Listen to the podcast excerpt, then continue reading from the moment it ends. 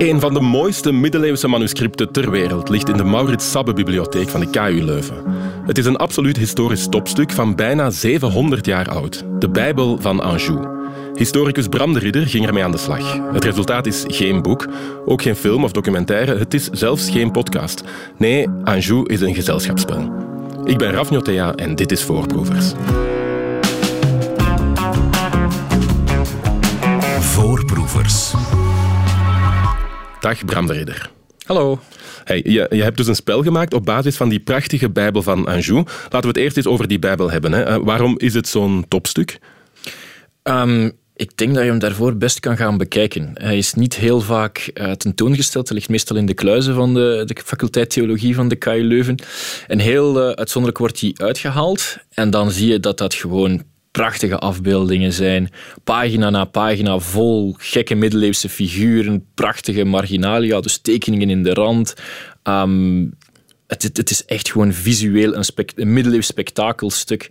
Um, dat van, echt voor zichzelf spreekt. Van 700 jaar oud? Van 700 jaar oud, ja. Mm -hmm. uh, heb jij die bestudeerd voor een thesis of een, of een doctoraat? Nee, uh, ik heb eigenlijk heel weinig te maken als wetenschapper met de Bijbel. Dan zijn er andere mensen uh, aan de KU Leuven, zoals professor Lieve Batteeu, die al heel haar carrière bezig zijn om dat ene manuscript te bestuderen, via KU Leuven ook te laten digitaliseren, zodat het toegankelijk is voor iedereen te kijken wat kunnen we daar nu van leren, wat weten we daarover. Ik zelf ben er via Twitter op terechtgekomen. Ik wist wel vaak dat die er lag. Ik had hem nog nooit uh, zelf bekeken. Maar op Twitter circuleerden er dan een paar van die afbeelden en ik dacht van oké, dit, is, dit is te mooi. Uh, ik was zelf een beetje aan een carrière switch bezig richting game design, spelontwerp. En ik dacht van dit lijkt wel echt iets, iets te kunnen zijn. Mm -hmm. En dan ben je daar ingedoken. Wat is het verhaal dan achter die Bijbel? Uh, het, het, verhaal achter de Bijbel is eigenlijk dat het een huwelijksgeschenk is. Uh, okay. Koning Robert de Wijze uh, van Napels, eigenlijk een Franse dynastie die in Napels is geland, een paar generaties eerder, die moet eigenlijk een dynastiek twistpunt oplossen. de Hongaarse tak van de dynastie heeft ook een claim op Napels. En om dat wat te gaan oplossen, huwelijkt hij zijn opvolgster, Johanna, zijn kleindochter, uit aan een achterneef, uh, Andreas, van de Hongaarse tak. En de Bijbel is eigenlijk bedoeld, vermoedelijk, uh, als een huwelijksgeschenk voor het huwelijk van die twee familieleden. Um, als een pronkstuk om de, de religiositeit van de familie te tonen enerzijds, maar anderzijds ook van wat voor macht en pracht en praal kunnen wij hier in Napels presenteren. Mm -hmm. Ja, want het is pracht en praal natuurlijk, want de boekdrukkunst was nog niet uh, uitgevonden, zeg maar. Uh, het was allemaal uh, manueel werk, die Bijbel. Um, hoe, hoe gaat dat in zijn werk? Dat moet toch ongelooflijk duur geweest zijn?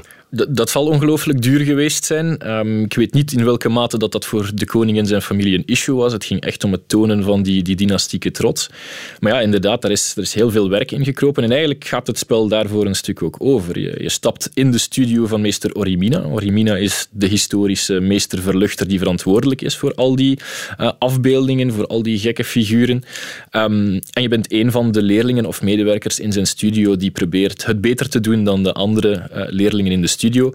En zo zal het waarschijnlijk in het, in het verleden ook echt geweest zijn in de 14e eeuw. Ja, en je zegt Orimina, Cristoforo Orimina. Uh, de, en de boekverluchter, wat is een boekverluchter? Een boekverluchter is iemand die instaat voor uh, de versieringen, de verluchtingen van een middeleeuwse manuscript. Dus je hebt iemand die gewoon het fysieke perkament prepareert, produceert. Dan heb je iemand die het, het schrift op schrift stelt, hè, die echt gewoon de, de Bijbelteksten overschrijft in de middeleeuws handelsschrift. En dan heb je iemand die verantwoordelijk is voor het aanbrengen van de versieringen en tekeningen. Uh, en die dienen verschillende doelstellingen. Um, Enerzijds zijn er soms bijbelfragmenten, anderzijds zijn er uh, elementen die verwijzen naar de familie en naar het huwelijk, en anderzijds zijn er gewoon heel erg grappige uh, of allegorische tekeningen die vaak voor iemand in de middeleeuwen een stuk duidelijker geweest zullen zijn dan voor ons. Voor ons is het soms een beetje gokken, dit is een heel raar figuur, wat moeten we daar nu, nu precies mee? Ja, want je hebt dus die figuren gebruikt in het uh, spel, het kaartspel dat je hebt ontwikkeld. hebben die figuren inderdaad een betekenis of symboliseren die iets? Sommige wel, sommige niet. Hè. Zo zitten er bijvoorbeeld jachtpartijen in van het, het koppel. Um, ze zitten er scènes in die verwijzen naar de erfopvolging. In het begin van de Bijbel is er een hele scène uitgetekend waarin Johanna wordt aanvaard als uh, erfopvolgster van, van Robert. met, met Andreas, die dan in een mindere status wordt, wordt afgebeeld in diezelfde scène. Um, en anderzijds ja, zie je daar figuren op van, van mensen op kamelen, zie je engelen op vogels, zie je overal toeterende en bellende figuurtjes. Er staan heel wat boogschutters in.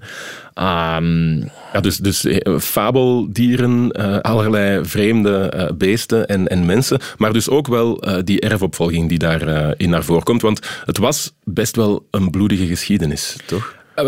Dat vind ik zelf een van de, van de leukste dingen aan, aan dit soort werk. Opnieuw, ik ben geen specialist rond de Bijbel zelf. Maar je gaat er je dan wel in verdiepen, dan kom je op puur een Game of Thrones verhaal uh, uit. Uh, op dit moment wordt de, de opvolger van Game of Thrones op tv uitgezonden. Um, het is straffer dan dat op sommige momenten. Het is echt die dynastieke kwestie die dan volledig ontspoort. Um, ja, want er zijn twee troonopvolgers die dus getrouwd zijn met elkaar, Johanna en die Andreas, ja. van verschillende takken van de familie. En dan is er een claim door de ene, maar die wordt dan vermoord door een andere partij. Het, het is echt wel bloederig. Ja, klopt, absoluut. Dus inderdaad, zowel Johanna als Andreas hebben een, claim op die troon en proberen dat ook op te lossen. Alleen, uh, hoe weten we niet goed, maar komt het op, uiteindelijk op neer dat Robert de Wijze alleen Johanna als zijn formele erfgename erkent en Andreas is koning gemaal, maar heeft voor de rest geen andere titel of rechten meer op Napels. Hij is daar niet heel gelukkig mee. Uh, zit helemaal geïsoleerd aan dat Napolitaanse hof wanneer Robert overlijdt. Uh, zijn oma probeert dan nog wat voor hem te pleiten, dat mislukt. En uiteindelijk wordt hij door de Napolitaanse adel vermoord. Hij wordt gedefenestreerd, hij wordt uit het raam gegooid. Um, Misschien op last van Johanna, zijn echtgenote, dat weten we niet. Ze moet het in alle geval gaan uitleggen tot bij de paus toe. Wordt daar vrijgepleit. De Hongaarse tak van de dynastie is helemaal niet tevreden met die uitkomst en valt Napels binnen. En uh, we zitten dan met een, een vervolgverhaal, Game of Thrones waardig. Zij hertrouwt, zij houdt stand, zij wordt gevangen genomen. Haar zoon uit het eerste huwelijk wordt gevangen genomen, naar Hongarije gevoerd. Enfin, um... ja, ja, heel veel uh, gebeurt daar. Heel, uh, heel bloederige, bloederige opvolgingskwestie. Ehm, voor het kaartspel eh, bevinden wij ons niet op het slagveld. We bevinden ons in uh, dat atelier van uh, Cristoforo Oremina, die boekverluchter. Um, heb jij die Bijbel, die tekeningen zelf in het echt gezien? Ik heb het geluk gehad dat net wanneer het spel uh, voor de eerste keer verscheen in december, dat de Bijbel nog eens uh, uit zijn kluis mocht komen, uh, omwille van het feit dat er een, een facsimile werd gemaakt. Um, opnieuw, het verschil tussen de facsimile en het echt is, is dag en nacht. Het echt is een, een, stuk mooier. Dus ik heb het geluk gehad van hem gezien te hebben, maar voor de rest is hij eigenlijk toegankelijk voor iedereen. Hij is volledig gedigitaliseerd door het digitaal labo van de KU Leuven. Um, je kan ook door de QR-code op het spel te scannen, kom je rechtstreeks daar terecht en kan je eigenlijk voor jezelf al die pracht en gewoon online op je gsm of op je pc bekijken. Mhm. Was een bijbel een normaal geschenk in die tijd, weet je dat? Ik denk dat dat wel een vrij normaal uh, geschenk is. Het stelt uh, voor hoe, hoe godsvruchtig de familie is. En je zit in een periode waarin dat, dat wel van belang is.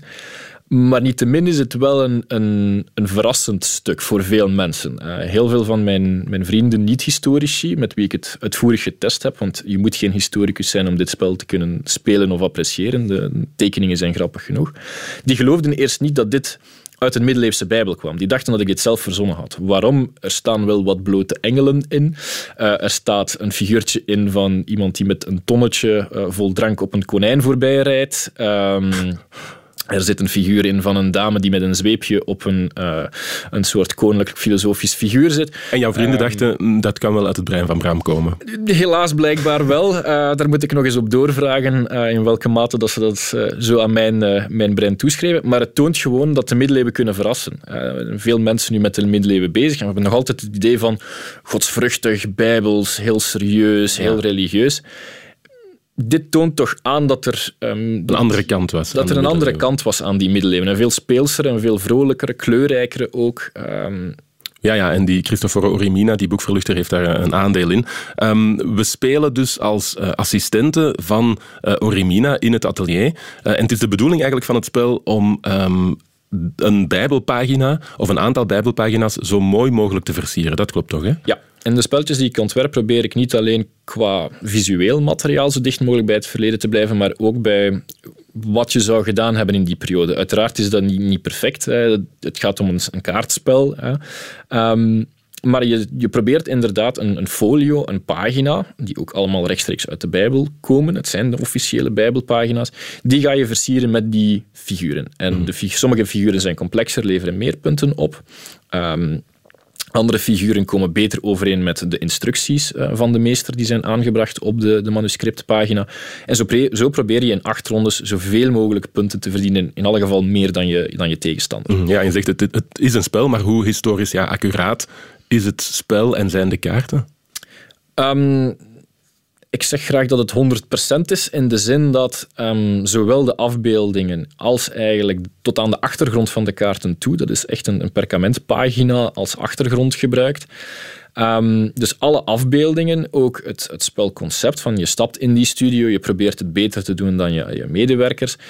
Dat sluit voor zover ik geprobeerd heb zo dicht mogelijk aan bij de historische context. Um, natuurlijk we hebben geen rechtstreekse toegang meer tot het verleden, dus er is altijd wel een beetje afstand. En als het gaat om het verleden, hebben we nogal de neiging om te denken dat historisch correct historisch volledig wil zeggen. Dus um, dat alles wat je daarover kan zeggen er wel in aan bod komt. Mhm. Dat is hier niet het geval, uiteraard. Het is een, een simpel, eenvoudig spel dat je met uh, gewoon iedereen in de familie rond de tafel moet kunnen, kunnen spelen. Um, in die zin zal het nooit volledig zijn, maar ik denk dat het wel voldoende aansluit bij de middeleeuwse realiteit om je dingen te leren zoals van oeh, hier staan wel rare figuren in, of dit komt uh, niet van de hand van de meester. De meester heeft alles getekend. Nee, daar zitten medewerkers achter in een studio, uh, waarin misschien ook wel bedrijfsspanningen waren uh, die, die soms kwamen bovendrijven. Dus in die zin vind ik dit wel een, een, een zo correct mogelijke weergave als je kan in 112 kaarten. Ja, en, en toekoer, het idee van een boekverluchter is voor mij al inzichtelijk, want ik wist niet dat dat uh, een beroep was in de middeleeuwen. Um, laten we eens kijken naar die kaarten, Abraham. Um, heb, je, heb je favorieten tussen, tussen de kaarten? Uh, ik heb één absoluut. Ik heb verschillende favorieten. Ik kan er u 20, 25 uh, bespreken. Ik ga me beperken tot een, een, een drietal misschien. Eén is um, de gedrogeerde emu. Sorry, dat is mijn absolute favoriet. Dat is een, een soort struisvogel met een hoefijzer in zijn bek die eruit ziet alsof hij net iets verkeerd gerookt heeft. Um, het is een heel eenvoudige tekening. Het is een van de meer eenvoudige die erin zit, maar ik vind hem fantastisch om, om naar te kijken. Mm Um, een andere is, uh, ik heb hem Starbucks genoemd, omdat het eigenlijk een zeemeermin is met twee staarten. Um, zoals het logo van uh, het Zoals het, uh, het, logo van Starbucks effectief. Ik was heel verbaasd dat ik die tegenkwam. Ik moet misschien eens het bedrijf mailen en vragen van hebben jullie de Bijbel van Anjou gezien uh, toen jullie het logo wilden opstellen? Geen idee. Um, en voor de rest ja, zijn er verschillende prachtige figuren. De ridderfiguren zelf vind ik ook heel mooi. Er zitten een aantal chargerende ridders in. Een rode ridder, een blauwe ridder. Um, er zit een doedelzakspelende schot in, er zit een koe in met een cape. Um, en, en die doedelzakspelende schot, is dat de figuur op de doos? Ja, dat is de figuur die op de doos staat, effectief. Enfin, we weten niet 100% zeker dat het een schot is, maar hij draagt in alle geval een soort kilt, speelt doedelzak en het is een soort tartan uh, uh, die, uh, die de kleur is van, van de kilt. Um, ja, dat is degene die erop staat. Er staan er nog een paar op de doos. Een paar engelen, een paar muziekspelende figuurtjes, een paar ridders, een paar draakjes. Um, ja, en dus al die afbeeldingen uh, komen uh, uit die Bijbel van Anjou. Um, ook op de achterkant van de kaarten hè, staan er uh, interessante afbeeldingen. Ja. heel mooie afbeeldingen. Dus die, komen, ook, die hebben ook te maken met die Bijbel. Ja de kaarten die je net beschreef, beschreef zijn zogenaamde marginalia-kaarten. Want je hebt drie soorten kaarten in het spel. Hè? Ja.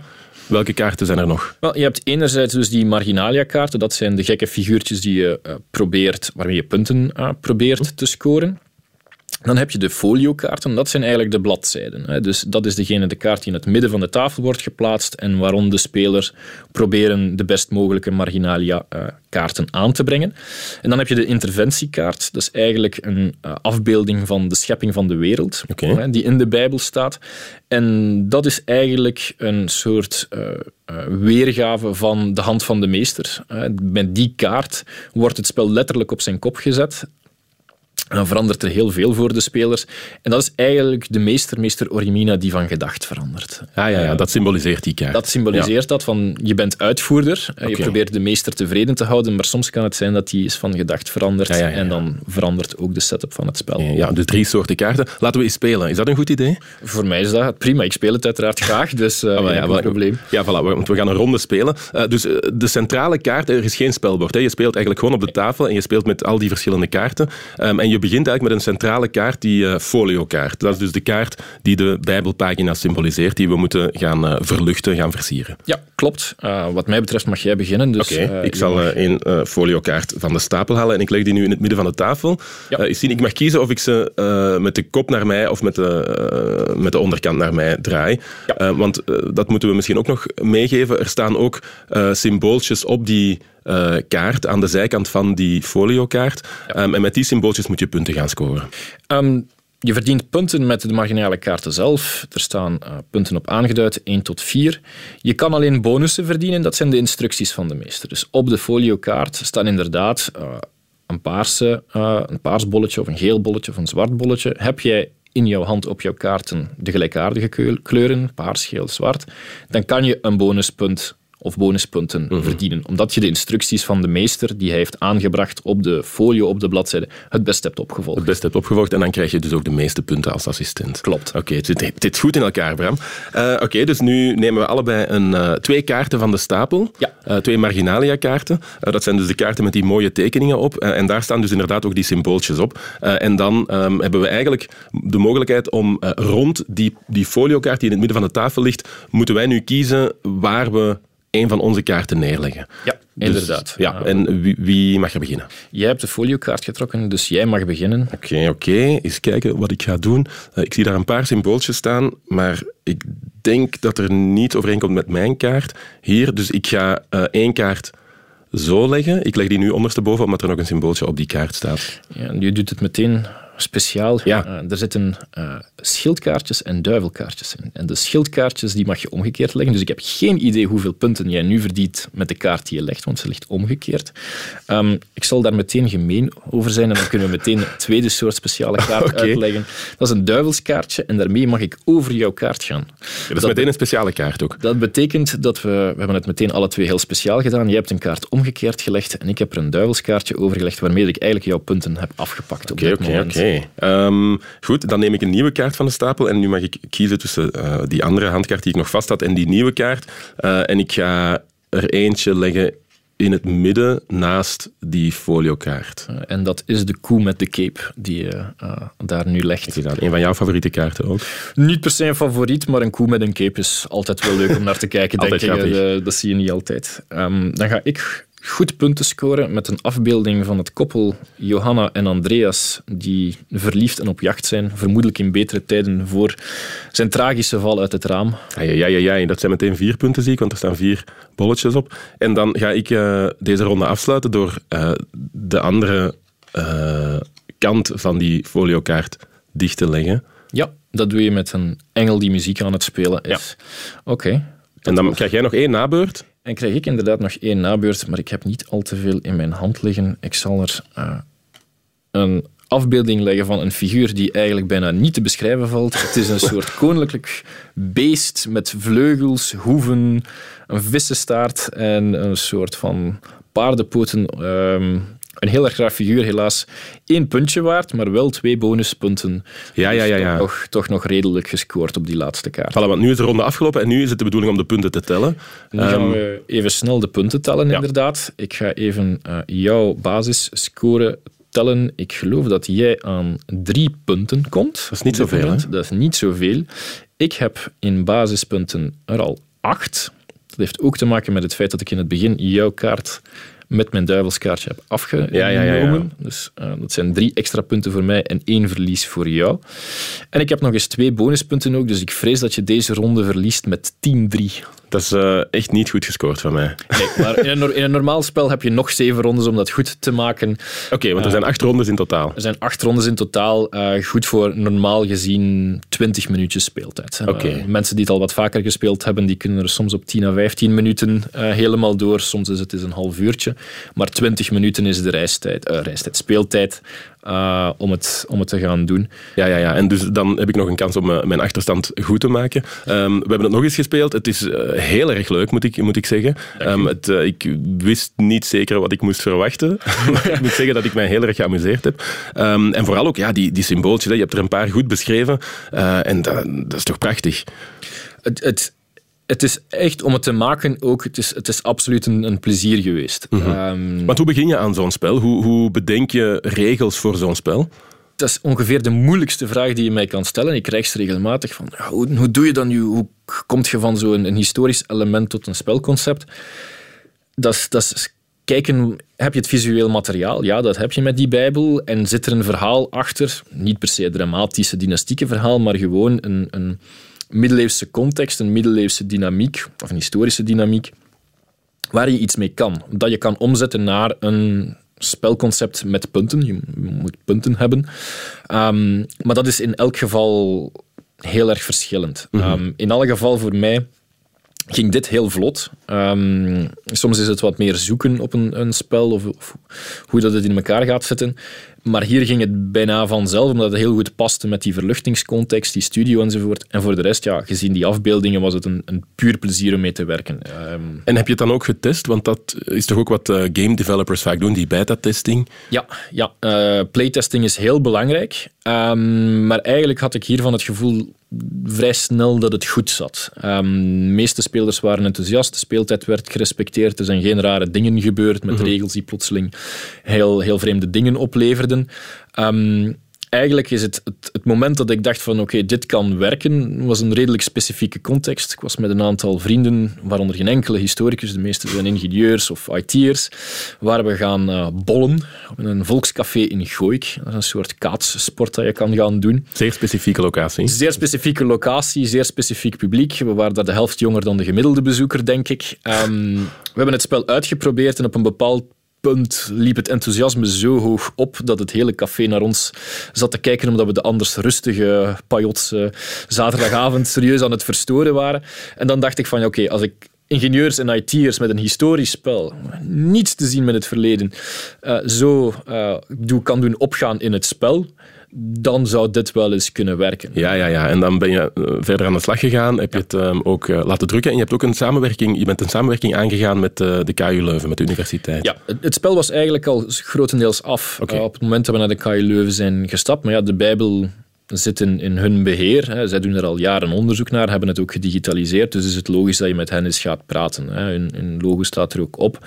Uh, ze hebben een deel van de eerste oplage ook afgenomen. Maar het is niet samen ontwikkeld, zeg maar. Nee. Oké. Okay. Nee. Um, ik denk dat, dat dat was voor mij eigenlijk wel een, een belangrijke. Omdat um, in een academische context wordt het al heel snel academisch. Dat is ook de bedoeling, dat is, geen, dat is niet erg.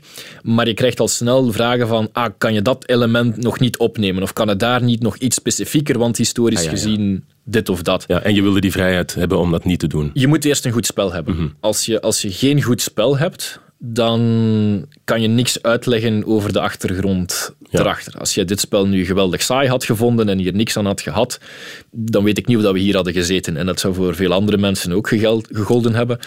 Um, dus ik wou echt een, een spel waarvan ik wist van het werkt, het is een leuk spel. En dan kunnen we gaan kijken uh, wat kan daar nog bij. Er zit een beetje historische uitleg uh, achteraan de spelregels bijgevoegd. Dat is in samenwerking met de al genoemde professor Lieve Watteeuw. Dus je kan er wel iets uit bijleren, door het spelen ook, maar ook door de achtergrond die er is bijgevoegd. Um, die achtergrond is wetenschappelijk verantwoord, wetenschappelijk geverifieerd. Maar je moet ook gewoon dit kunnen eens, eens bovenhalen, uh, omdat je de afbeeldingen grappig vindt en voor de rest wil je niks weten over mm -hmm. die Bijbel of over de middeleeuwen. Ja, dan de, moet het even leuk zijn. De emo die stoned is bijvoorbeeld. Ja, die, die moet je bijvoorbeeld ook leuk kunnen vinden zonder dat je weet wat, uh, wie of wat Johanna en Andreas van Anjou waren. Ja, ja, ja. ja. Um, waarom vind je het belangrijk om uh, geschiedenis in spelvorm aan te bieden? Um, ik weet niet of ik dat belangrijk vind. Ik vind dat vooral leuk op dit moment. Um, ik heb een beetje het gevoel in, in een Vlaamse academische context dat we vooral het verleden heel belangrijk moeten vinden. En het moet gewichtig zijn en serieus en gedetailleerd en leerrijk. Um, dat is allemaal waar, daar, daar, daar, ga ik niet over twisten. Maar we vergeten soms ook eens dat het verleden ook gewoon leuk mag zijn. Mm -hmm. Dat je eens een reenactment mag doen zonder meer. Je mag je verkleden als Napoleon en uh, zo een weekend gaan kamperen. Je mag ja, ja. eens een historisch spel spelen dat misschien iets minder serieus met het verleden omgaat. Ik denk dat dat belangrijk dat dat ook belangrijk is. Je maakt mensen niet warm voor het verleden door te gaan zeggen hoe belangrijk het verleden is of hoe belangrijk dit spel nu is voor het historisch bewustzijn in Vlaanderen. Nee, je maakt mensen warm door het, voor het verleden, door ze een leuk spel aan te bieden, waarbij ze dan achteraf de vragen gaan stellen is dit wel zo? Mhm. Die, die spelavond in, in het Pajottenland het leukste voor mij was, van ik had niets uitgelegd over de historische context. We hebben het gewoon het spel gespeeld. En achteraf krijg je de vragen van, ja, maar dat figuurtje, dat kan niet, dat kan niet uit de middeleeuwse Bijbel komen.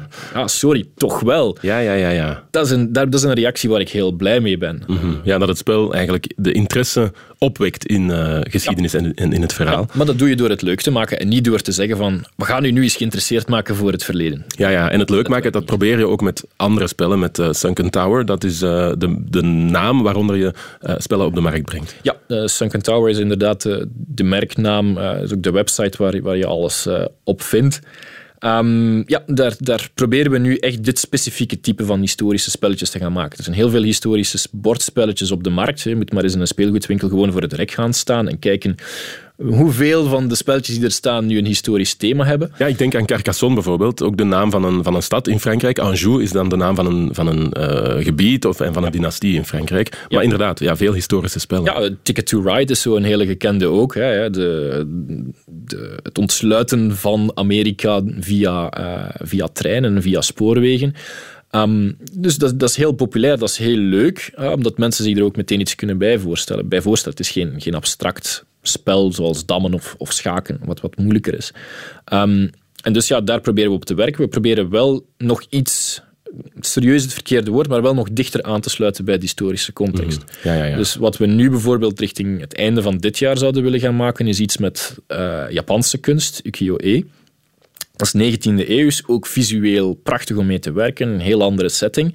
Maar ook daar proberen we aan te sluiten bij het feit dat die ukiyo-e-kaarten, die zijn niet alleen, of die waren niet alleen mooi, maar dat was ook een commercieel product. Dus zal je daar waarschijnlijk als speler de producent, de verkoper van die prenten uh, gaan, gaan opnemen en proberen zo goed mogelijk in te spelen op de 19e eeuwse marktvraag naar bepaalde soorten uh, ukiyo-e-printer. dat is voor het einde van het jaar, daar zitten we nog volop in ontwikkeling, zijn we aan het kijken wie dat erin wil meestappen. Maar het belangrijkste voor ons is dat je ehm, een leuk spel hebt, dat u direct of indirect ook wel eens doet nadenken over ah, zo zit het in, of zo zat het in het verleden. Ik stap nu in een rol die ik niet, niet kende of niet verwacht had, die misschien iets anders uh, is dan, dan de, de traditionele gezelschapsspelletjes. Ja, En dat verleden ook als een uh, heel dankbare uh, bron om uit te putten voor gezelschapsspelletjes. Ja, absoluut. Mm -hmm. absoluut. Waar kunnen mensen het uh, spel kopen, Bram de Ridder? Ja, op dit moment is het uh, slechts op twee plekken verkrijgbaar. Het is uh, nog redelijk exclusief. Je kan het oftewel gaan kopen in de fysieke shop van de KU Leuven op de Naamsestraat in Leuven. dat zijn exemplaren die de KU Leuven heeft aangekocht en verdeeld.